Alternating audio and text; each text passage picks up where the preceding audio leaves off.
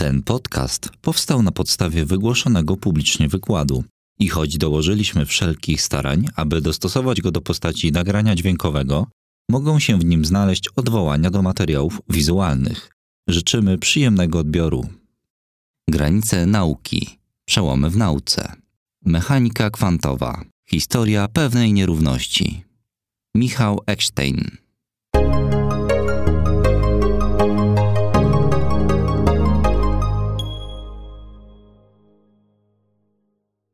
Dziękuję za, za miłe przyjęcie. Przepraszam najmocniej za opóźnienie.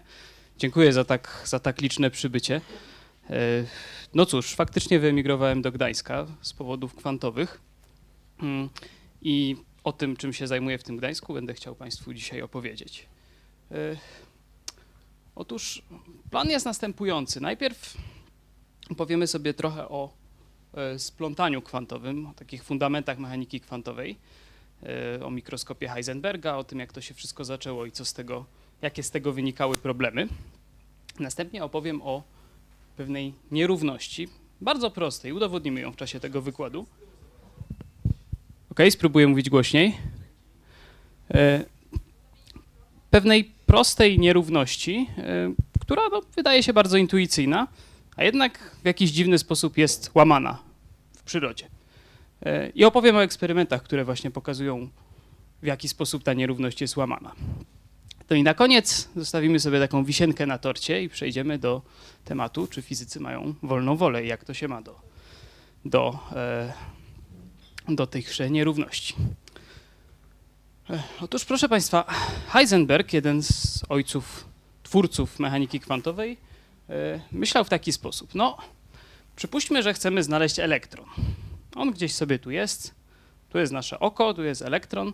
No jak my go zobaczymy? Chcemy go zlokalizować, dowiedzieć się, gdzie on jest. No, musimy go czymś oświetlić. Hmm. Oświetlimy go fotonem. No i zgodnie z prawami optyki falowej, żeby uzyskać zdolność rozdzielczą z dokładnością tam do, e, do delta x, musimy użyć fotonu o takiej fali e, długości lambda, jeżeli, chcemy, jeżeli patrzymy pod kątem takim duże A. Znaczy, no, lekcja jest taka, że im, im chcemy lepiej zlokalizować tą cząstkę, tym musimy użyć krótszej fali długości. Mm, no ale im krótsza długość fali, tym nasz foton niesie więcej energii. A skoro tak, to ten foton uderzając w elektron, e, on go popchnie. A skoro tak, to zaburzy jego pęd. Pytanie, o ile ten pęd zaburzy? No i to można policzyć z prostej zasady zachowania pędu, Całkowity pęd po kolizji może być albo z plusem, albo z minusem, w zależności od tego, czy elektron pójdzie tutaj, czy pójdzie tutaj. Znaczy, czy, przepraszam, czy foton poleci w tej granicy stożka, czy w tej. No i to zależy od tego, jaki ten elektron miał pęd na początku. No i skoro tak, to mamy tą nieoznaczoność pędu elektronu, daną takim wzorem. Jeżeli teraz wymnożymy tą nieoznaczoność pędu razy nieoznaczoność położenia, to dostaniemy wielkość proporcjonalną do stałej Plancka. I to jest takie heurystyczne uzasadnienie zasady nieoznaczoności, którą Heisenberg notabene najpierw odkrył z czystej matematyki, z rozważań macierzowych, a później dopiero znalazł jej takie bardziej intuicyjne uzasadnienie. To oczywiście trzeba powiedzieć, że to jest taki argument troszkę na palcach, natomiast on jakby pokazuje, co się intuicyjnie dzieje. E, więc co to tak naprawdę oznacza, że, że mamy jakąś nieoznaczoność? No cóż, ostatecznie każdy eksperyment jest, oznaczony, jest obarczony jakimś błędem. No, chcemy zmierzyć długość, dajmy na to, tego stołu. Możemy użyć linijki, która ma jakąś podziałkę i dostaniemy odpowiedź w jakichś tam granicach. Chcemy coś zmierzyć bardziej dokładnie, weźmiemy suwmiarkę, może być elektroniczna i ona nam da dokładniejszą odpowiedź. Mm. Natomiast zgodzimy się co do tego, że ten stół ma jakąś określoną długość, która jest dane jakąś liczbą i my do tej liczby się możemy zbliżać eksperymentalnie.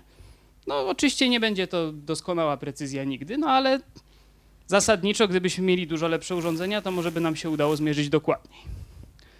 Mm, druga rzecz jest taka, że eksperymentując, jak pewnie wiemy z dzieciństwa, możemy zniszczyć obiekt naszych eksperymentów. Pewnie widzieli Państwo w muzeach czasem taki znak, żeby nie robić zdjęć z fleszem. No otóż jak się zrobi za dużo zdjęć z fleszem, czyli użyje się zbyt mocnego światła, no to farba na obrazie zmatowieje i, i obraz się uszkodzi. Prawda? Więc no to, że niszczymy jakiś obiekt też nie jest jakieś bardzo dziwne. A jednak e, ta nieoznaczoność pomiarowa jest czymś innym niż taka nieoznaczoność kwantowa, ponieważ do tej możemy dojść, znaczy nic nas wydaje się nie ogranicza, natomiast mechanika kwantowa nam mówi, że, że nie, jest fundamentalne ograniczenie, poniżej którego nie zejdziemy, dlatego że jak chcemy dokładniej, to my ten obiekt zawsze zaburzymy i to będzie schowane. E, nad konsekwencjami tego, tego rozumowania debatowali e, Einstein i, i Bohr w latach 30. Einstein stał na punkcie fizyki klasycznej, mówił, że obiekty fizyczne, takie jak na przykład elektrony, zawsze muszą mieć jakieś obiektywne własności, mają taki spin, a nie inny, mają takie położenie, a nie inne i to, że my tego nie potrafimy zmierzyć, no to tylko jest nasz problem i nasza niedoskonałość.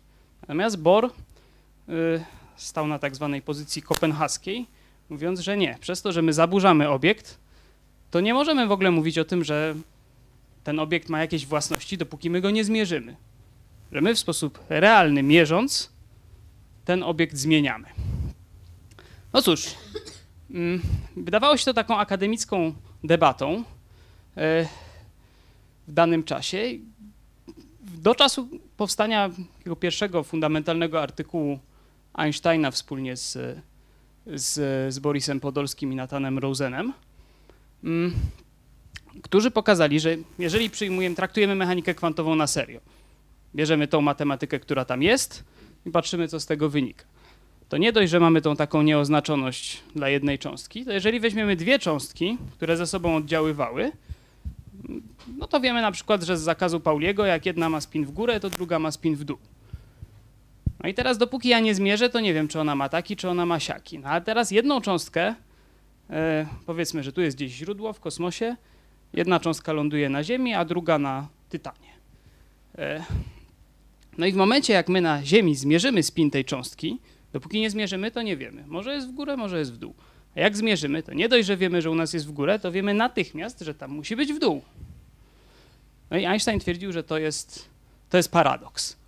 E, ponieważ no, własności obu cząstek pary no, są, są w jakiś tajemniczy sposób splątane i wydaje się, że to przeczy prawidłom szczególnej teorii względności, która mówi, że nic nie może się poruszać szybciej niż światło, a tutaj mamy jakieś takie natychmiastowe oddziaływanie. Einstein nazywał to upiornym oddziaływaniem na odległość. E, żeby zrozumieć dokładnie o co chodzi w tym efekcie, rozważmy następującą grę. E, weźmy sobie dwie postaci. Po angielsku to jest Alice i Bob. E, po, e, po polsku postanowiłem ich nazwać Alicją i Bogdanem. Mm. No i oni dysponują jakimś takim źródłem cząstek splątanych i powiedzmy, może Alicję wyślemy na Ziemię, a Bogdana na, na Tytana. I niech sobie tam eksperymentują i kiedyś w przyszłości się spotkają i porównają swoje wyniki pomiarów. No dobrze, na początek zróbmy taką prostą rzecz, czysto klasyczną. Puśćmy, że się spotykają, mają dwie kulki, jedną zieloną, drugą czerwoną. No i teraz, żeby było sprawiedliwie, powiedzmy, Ala wrzuca to do worka, jakoś tam miesza, a Bob losuje jedną kulkę, nie patrzy, tylko chowa ją do kieszeni, no i leci na tego tytana, Alicja chowa swoją i trzyma zamkniętą. No i w pewnym momencie co się dzieje? Oni są bardzo daleko od siebie, no i co, nie wiedzą co się stało, proces był kompletnie losowy, Bogdan ma szansę jedna druga, że znajdzie zieloną kulkę, jedna druga, że znajdzie czerwoną, podobnie jak Alicja. Natomiast oczywiście to jest skorelowane, bo jak Alicja zobaczy swoją kulkę, powie, aha, ja mam zieloną, Bogdan musi mieć czerwoną. Da? I podobnież e, Bogdan, jak tylko zmierzy, to wie natychmiast, co się stało u Alicji. Prawda? I to jest taki czysto klasyczny efekt. Niemniej jednak, no nie, nie powiemy, że tutaj została przesłana jakaś informacja. No to jest by zasady gry były ustalone od początku, ale Bob nie może w ten sposób niczego Alicji powiedzieć, prawda? E, czego by już nie wiedziała. Hmm. Natomiast teraz rozważmy taką sytuację, że Bob postanawia zmienić reguły gry i stawia sobie na przykład jakąś taką dziwną maszynę, która mu tą kulkę koloruje. Jak ona była czerwona, to teraz będzie żółta, a jak była niebieska, jak była, przepraszam, zielona, to teraz będzie niebieska. No i co się dzieje? No oczywiście koloruje się ta jego kulka, a u Alicji się nic nie dzieje, No więc albo się oni wcześniej dogadają, że patrzymy, ok, ty będziesz miała czerwoną, zieloną, ja żółtą, niebieską, jest taka zależność i to badamy. Albo się nie umawiają, wtedy eksperyment nie ma żadnego sensu. No ale jest jasne, że jak Bob coś pokoloruje, to to w żaden sposób nie wpłynie u Alicji. Atoli. Jeżeli rozważymy teraz podobny e, eksperyment na gruncie mechaniki kwantowej, czyli mamy jakieś źródło, powiedzmy, że to są fotony, które mogą być splątane i fotony mogą mieć różną polaryzację, e, która właśnie, no, to jest tak zwany kubit, to może być splątane. Te dwa fotony są ze sobą, są ze sobą splątane. Mm, no i teraz tu jest Alicja, tu jest Bob i oni mają polaryzatory, czyli wybierają jakby bazę, wzdłuż której mierzą, e, mierzą tą polaryzację. Albo można myśleć o spinie cząstki. Na jedno w tym wypadku wychodzi. Mm, no i teraz tak, jeżeli e, wiemy, że te polaryzacje są splątane, podobnie jak spiny, czyli jak jedna jest tak, to druga musi być tak. Jak jedna jest tak, to druga musi być tak. Niezależnie od tego, jaką bazę wybierzemy, zawsze jedna, jeżeli jedna jest w jednym kierunku, to druga jest w drugim. Przy czym dopóki nie zmierzymy, to nie wiemy. No i teraz tak, jeżeli Alicja nie rusza nic z polaryzatora, Bob również, czy Bogdan również nie rusza, e, no to co? No jeżeli Alicja dostanie minus, to Bob dostanie plus. Czyli Alicja dostanie e, plus, Bogdan dostanie minus i tak dalej, i tak dalej. I teraz e, statystycznie po dużej ilości prób i dużej ilości takich par splątanych, no każde z nich będzie miało z grubsza 50% takich wyników plusów, 50% minusów. Każde z nich. Oczywiście to dla małych próbek tam mogą być jakieś fluktuacje, ale statystycznie to jest jedna druga. Natomiast niezależnie od tego, zawsze ze stuprocentową pewnością, jak jedno będzie miało minusa, to drugie będzie miało plusa. No i okej. Okay. Ale to powiemy, no dobra, no ale to jest taka sama korelacja jak ta klasyczna z kulkami. No jeden miał czerwoną, to drugi musi mieć zieloną. Cóż z tego?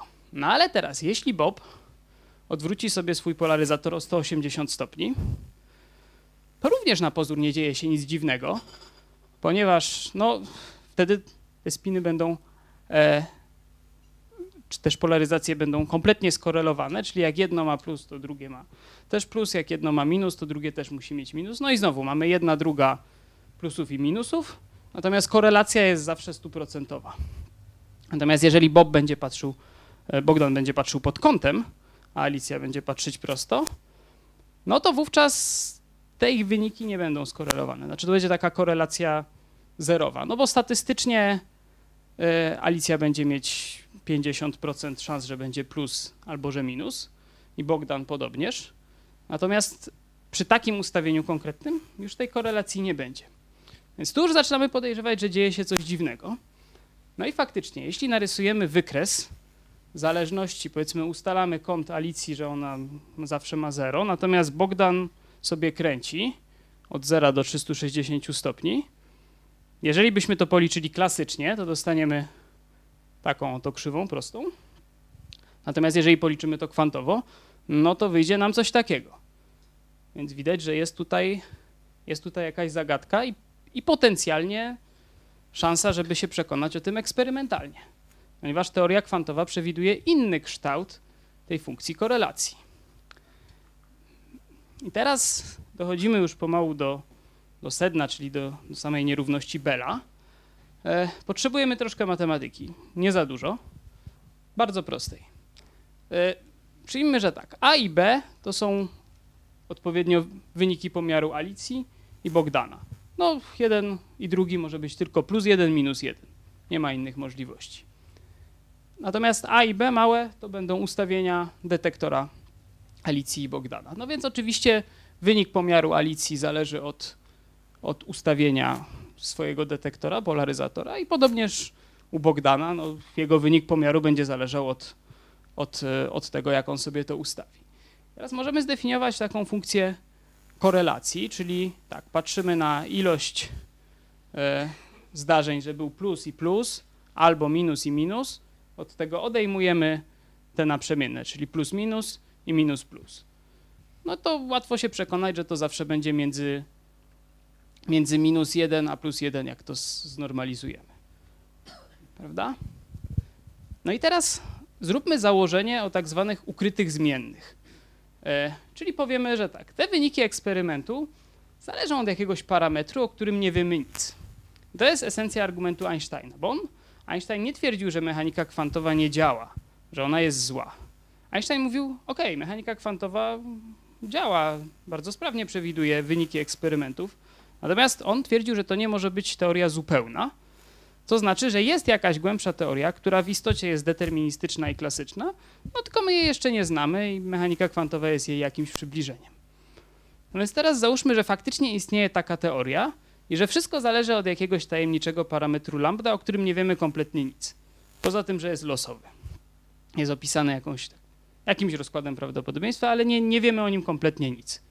Wiemy tylko, że taki jest.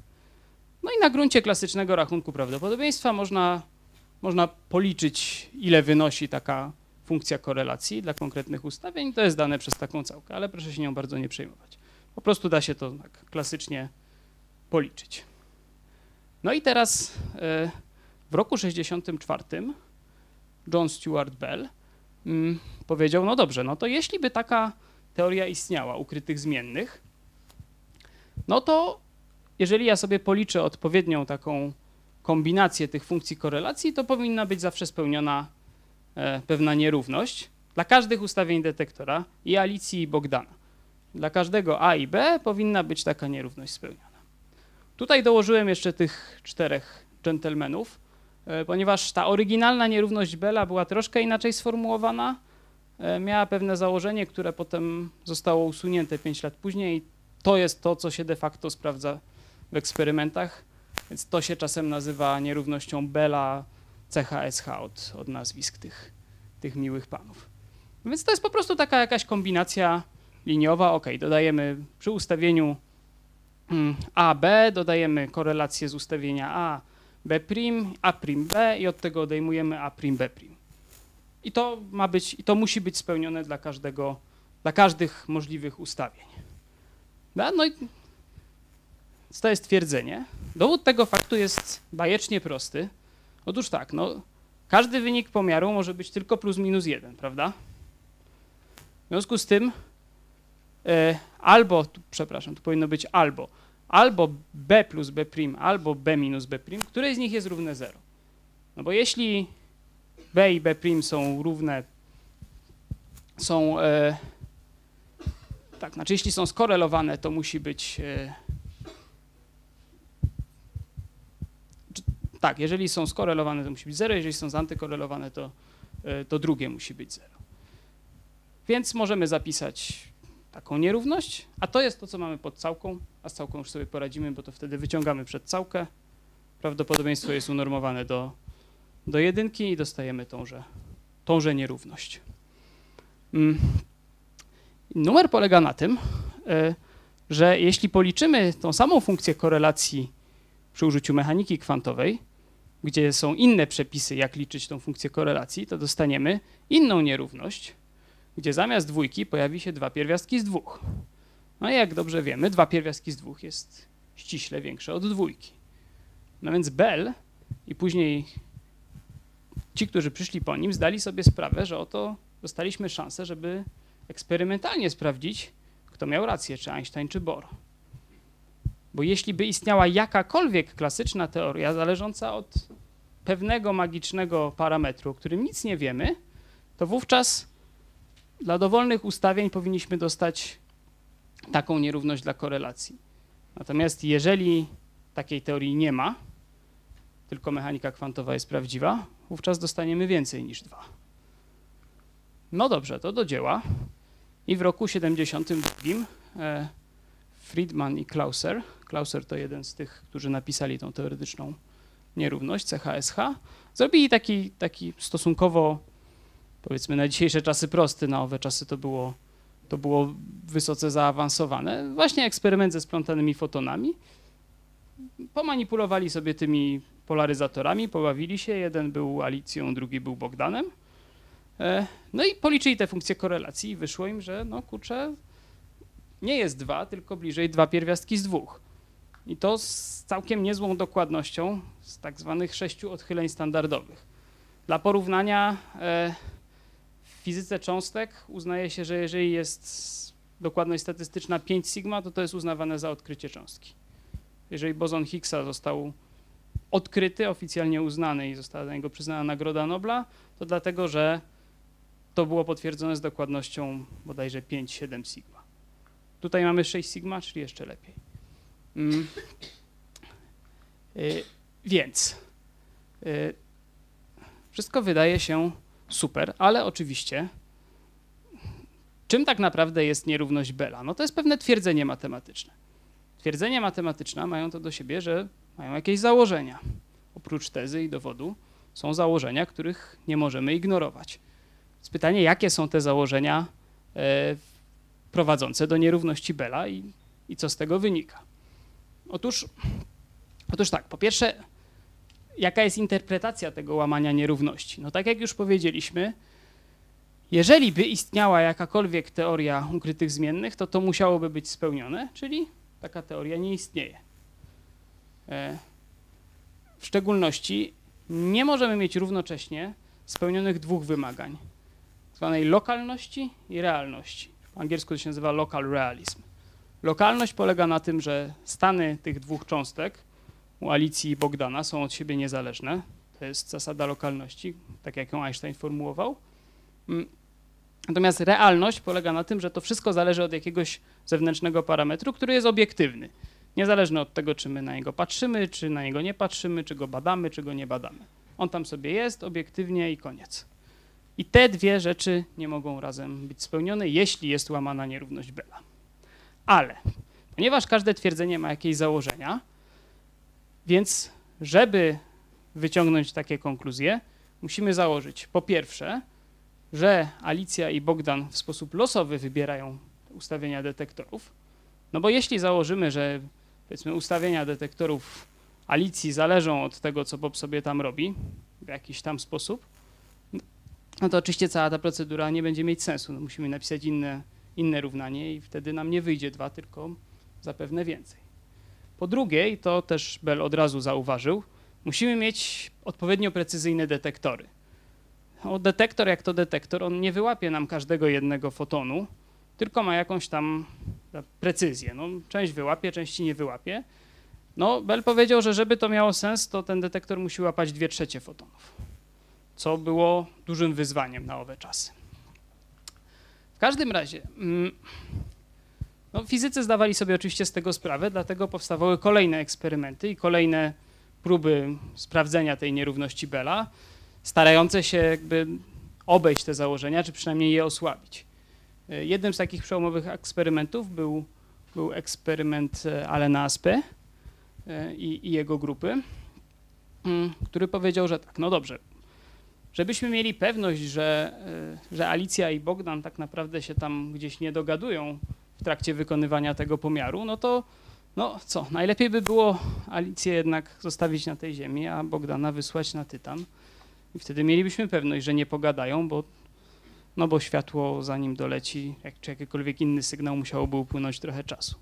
Natomiast jak to jest wszystko na stole laboratoryjnym, e, wszystko jest blisko, no to tak naprawdę nie wiemy. A może Alicja dzwoni do Bogdana i mu mówi, słuchaj, ja mam takie a takie ustawienia, zrobimy im psikusa, wyjdzie nam taka fajna nierówność.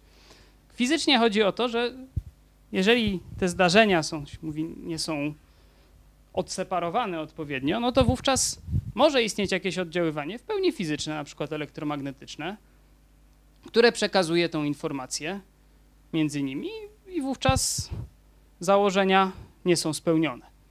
Mm, w związku z tym, co zrobił Alain Aspect? No, zdecydował, żeby jednak nie wysyłać swoich współpracowników na Tytana, ale to, co można zrobić, to bardzo szybko zmieniać te ustawienia detektora. Na tyle szybko, że nawet przy takim oddaleniu, powiedzmy, rzędu metr, jeżeli to są milisekundy, nanosekundy, to i tak mamy pewność, że nie może być przesyłu informacji między jednym a drugim zdarzeniem. W dodatku on najpierw wypuścił te fotony do obwodu, one sobie tam krążyły i dopiero potem dokonywał zmian. W związku z tym wiemy na pewno, że jakby no, fotony nie mogły z góry wiedzieć, jakie będą ustawienia detektora, bo one już latały, jak on wybierał. No więc udało mu się domknąć tą, yy, przynajmniej do pewnego stopnia, yy, założenie o lokalności. I znowu osiągnął bardzo dobry wynik rzędu 6 sigma, czyli faktycznie jest coś łamane. To potem zostało jeszcze poprawione przez, przez grupę z Innsbrucka e, z Antonem Zeilingerem w 1998 roku i tam mieli jeszcze lepszy wynik na poziomie 10 sigma. No ale cóż, wciąż mamy ten problem z ilością fotonów. Bo Bell już stwierdził, że żeby taki test miał sens, to detektor musi wyłapywać 2 trzecie fotonów. No a takich detektorów przez długi czas nie mieliśmy tak dobrych. Czemu to jest ważne? No, powiemy, no dobrze, no ostatecznie jeżeli tam przychodzi nam tylko co dziesiąty foton, no to ciężko by było uważać, że akurat ten co dziesiąty foton nam sprawił psikusa i takie daje wyniki, a jakbyśmy wzięli wszystkie, to dostaniemy co innego. Natomiast statystycznie, jak się to policzy, no to no, jest to możliwe zdarzenie. W związku z tym byłoby lepiej się pozbyć tego. I można się tego pozbyć pod warunkiem, że łapiemy przynajmniej 2 trzecie fotonów. I to stało się możliwe e, raptem 5 lat temu, w 2013 roku. Powstały takie e, fotodetektory, które potrafią wyłapać nawet 90% fotonów średnio. I powstały dwa eksperymenty, gdzie znowu pokazano, że ta nierówność jest łamana. Mm, więc mieliśmy dwa eksperymenty. Jednym, w którym Alain Aspect zapewnił, że Bogdan z Alicją nie mogli gadać w czasie eksperymentu, nie mogli ściągać od siebie ustawień detektorów. I z drugiej strony mieliśmy eksperyment, w którym wiedzieliśmy, że fotony same nas nie oszukują, bo łapiemy ich wystarczająco dużo. Ale nie było eksperymentu, w którym by, mielibyśmy i jedno, i drugie zagwarantowane. Więc wciąż zostawała pewna furtka. Mm. I to zostało ostatecznie domknięte w roku 2015, raptem 3 lata temu, za to w trzech eksperymentach równocześnie, mm, gdzie użyto już tych nowych, e, nowych rodzajów fotodetektorów, zapewniających, że my łapiemy odpowiednio dużo, plus no, odseparowano Alicję od Bogdana na tyle i na tyle to wszystko szybko robiono, by było jasne, że nie mogli od siebie ściągać. Mm. I to, no, to był taki mocny wynik i to, to się ukazało równocześnie w Nature Physical Review Letters i było dużo artykułów na ten temat. Było takie hasło, że closing the debate, czyli zamykamy debatę na temat, na temat e, nierówności Bella. Jest jasne, że Einstein się mylił, a Bohr miał rację. Koniec, kropka. E, to łamanie znowu było na poziomie no, absurdalnie dobrym. E, natomiast to jeszcze nie jest koniec, ponieważ tak, przypomnijmy założenie twierdzenia Bella, jak ono dokładnie brzmiało. No Bell nie mówił o tym, że, że Alicja i Bogdan oni muszą być od siebie odseparowani, czy nie mogą gadać, czy coś. On tylko mówił, że ich wybory muszą być losowe. No więc jeżeli my mówimy, że oni ze sobą nie rozmawiali w czasie eksperymentu, no to jest pewien postęp, no bo nie mogli się dogadać w trakcie eksperymentu, no ale przecież mogli się dogadać wcześniej. I na przykład ci fizycy z, z Delft czy z Wiednia Mogli się wcześniej umówić, powiedzieć, no dobra, w sumie to na te technologie kwantowe teraz idzie dużo pieniędzy, to lepiej by to było udowodnić. Ok, tak sobie to ustawimy, żeby działało. To jest pierwszy wariant teorii spiskowej. Drugi wariant teorii spiskowej jest taki, że fizycy są uczciwi i być może nawet mają wolną wolę, ale to ktoś im podsunął detektory czy polaryzatory, czy źródło fotonów, które było w jakiś tam sposób spreparowane i miał w tym jakiś niecny cel, żeby tak zrobić. No i dzięki temu dostajemy takie wyniki, a nie inne. No bo oczywiście, no jeżeli była korelacja wcześniej, no to, no to nam wyjdzie później, prawda? E, no i wreszcie możemy powiedzieć, no dobrze, to nie ma nic wspólnego z niczyimi intencjami, mm, dobra i zła. To jest po prostu jakiś taki fizyczny, czasem się to nazywa superdeterminizmem, Czyli, że te korelacje w urządzeniach już jakoś tam istniały, jest jakiś tam fizyczny mechanizm za tym, tylko my go nie rozumiemy. I on by istniał zawsze w każdym tam, mm, w każdym, w każdym detektorze. E, no, żadnego z tych argumentów nie potrafimy w zupełności obalić i się obejść. Możemy jednak znowu przesuwać granice. Mm, pytanie w jaki sposób? No, możemy powiedzieć, dobra, no może użyjemy takiego superkomputera, który nam wygeneruje takie liczby losowe, że, że mucha nie siada. No dobrze, ale komputer klasyczny, on zawsze będzie generował liczby pseudolosowe. I na nasze codzienne potrzeby to jest w zupełności wystarczające. No ale jeżeli my chcemy powiedzieć, że nie ma żadnej teorii, która by to opisała, no to my potrzebujemy wiedzieć dokładnie, że one są losowe, no a te nie są i to wiemy na pewno, bo to jest algorytm. Możemy użyć kwantowego generatora liczb losowych i to się de facto robi w, w, w tych najnowszych eksperymentach, no bo te kwantowe generatory są już lepsze od tych, od tych klasycznych. Natomiast oczywiście to jest pętla logiczna, dlatego że potrzebujemy założyć, że mechanika kwantowa jest prawdziwa i generuje nam liczby rzeczywiście losowe, po to, żeby udowodnić, że mechanika kwantowa jest prawdziwa, bo jest złamana nierówność Bella. Natomiast to, co możemy robić, to oddawać ten, tą możliwość wyboru komuś innemu. Możemy ją na przykład oddać gwiazdom, i to zrobili fizycy z Wiednia. E, postanowili no, nie decydować sami, jakie będą ustawienia polaryzatorów, tylko gdzieś dobrze, no to my będziemy obserwować fotony z gwiazd odległych o 600 lat świetlnych. No i jak przyjdą powiedzmy niebieskie, to, to ustawiamy tak, a jak przyjdą czerwone, to ustawiamy tak. No i według naszej wiedzy, no to wszystko jest kompletnie losowe. No i znowu pokazali, że ta nierówność Bela jest łamana na bardzo zadowalającym poziomie. No i w związku z tym, jeżeli twierdzimy, że to wszystko zostało w jakiś sposób ukartowane, no to musimy powiedzieć, no dobra, ale ktoś to musiał ukartować, no przynajmniej 600 lat temu, do tamtych gwiazd się skontaktować, ten, no, ręka ludzka już tutaj się wydaje dość dyskusyjna. No i oczywiście są projekty, żeby to posunąć jeszcze dalej, powiedzieć, no dobrze, może użyjemy kwazarów, to są takie aktywne jądra galaktyk i przesuniemy tą granicę z 600 lat na e, miliard lat, a może użyjemy mikrofalowego promieniowania tła i wtedy już nieomalże docieramy do wielkiego wybuchu. No, są projekty takich eksperymentów, może niedługo zostaną zrobione. Ten jest z zeszłego roku raptem. E, jest też inna droga. Powiedzieć, no dobrze, no cóż, co jest największym źródłem losowości? No, ludzie. Możemy się odwołać do takiej społecznej losowości. Jeżeli mamy jedną osobę, czy nawet grupę fizyków, możemy powiedzieć, że oni się umówili. No ale weźmy internautów z całego świata i niech e, konkretne ustawienia detektorów. I to też zrobiono, to się nazywało The Big Bell Test.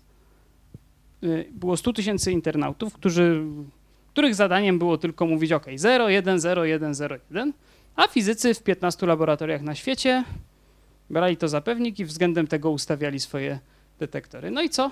Okazało się, że w każdym z tych laboratoriów zaobserwowano łamanie nierówności Bella.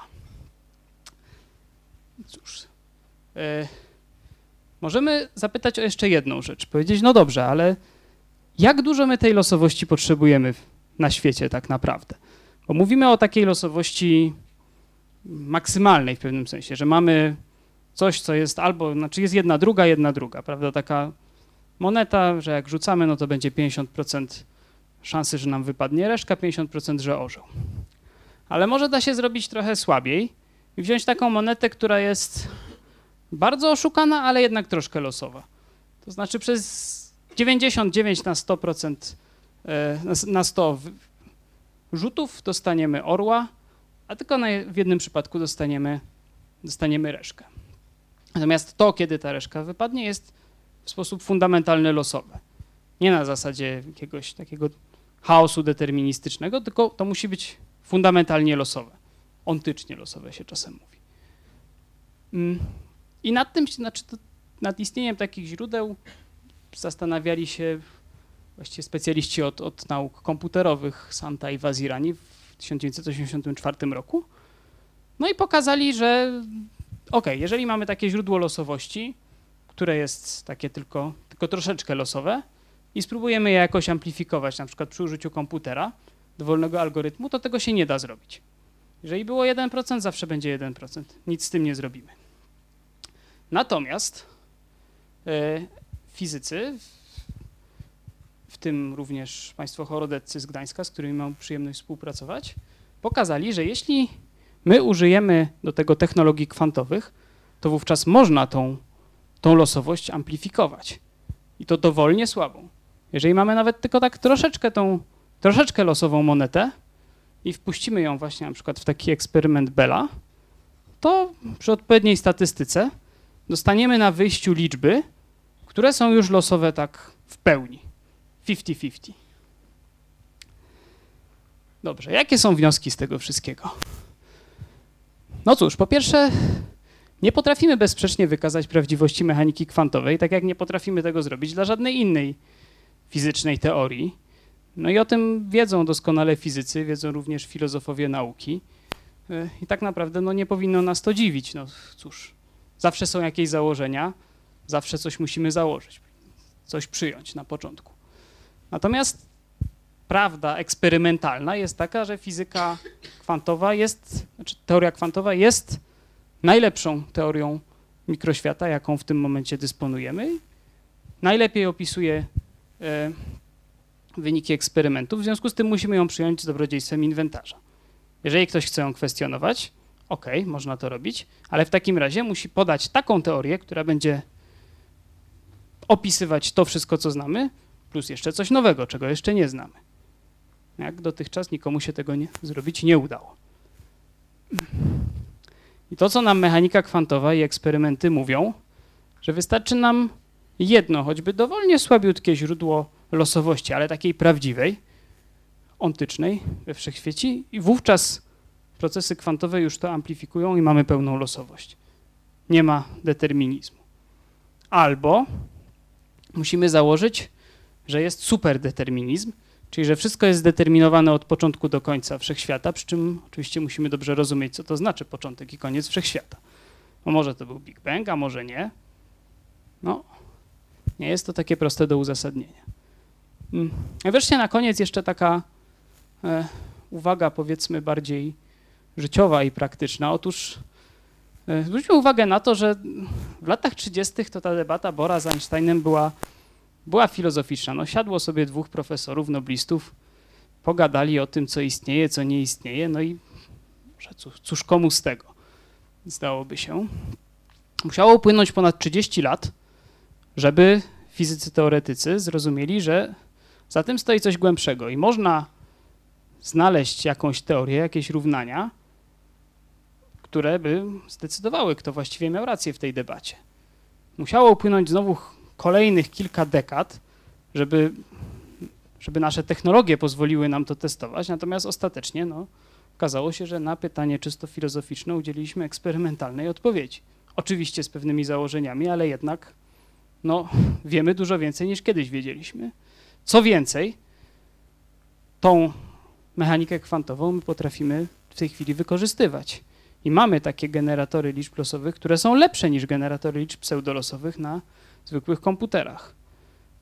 Działa kryptografia kwantowa, czy zaczyna dopiero działać, ale, ale już działa. Już niektóre transmisje, zdaje się pierwsza była z hmm, bodajże z mistrzostw piłkarskich w RPA i była już kodowana kwantowo, tak żeby jej nikt nie mógł podsłuchać.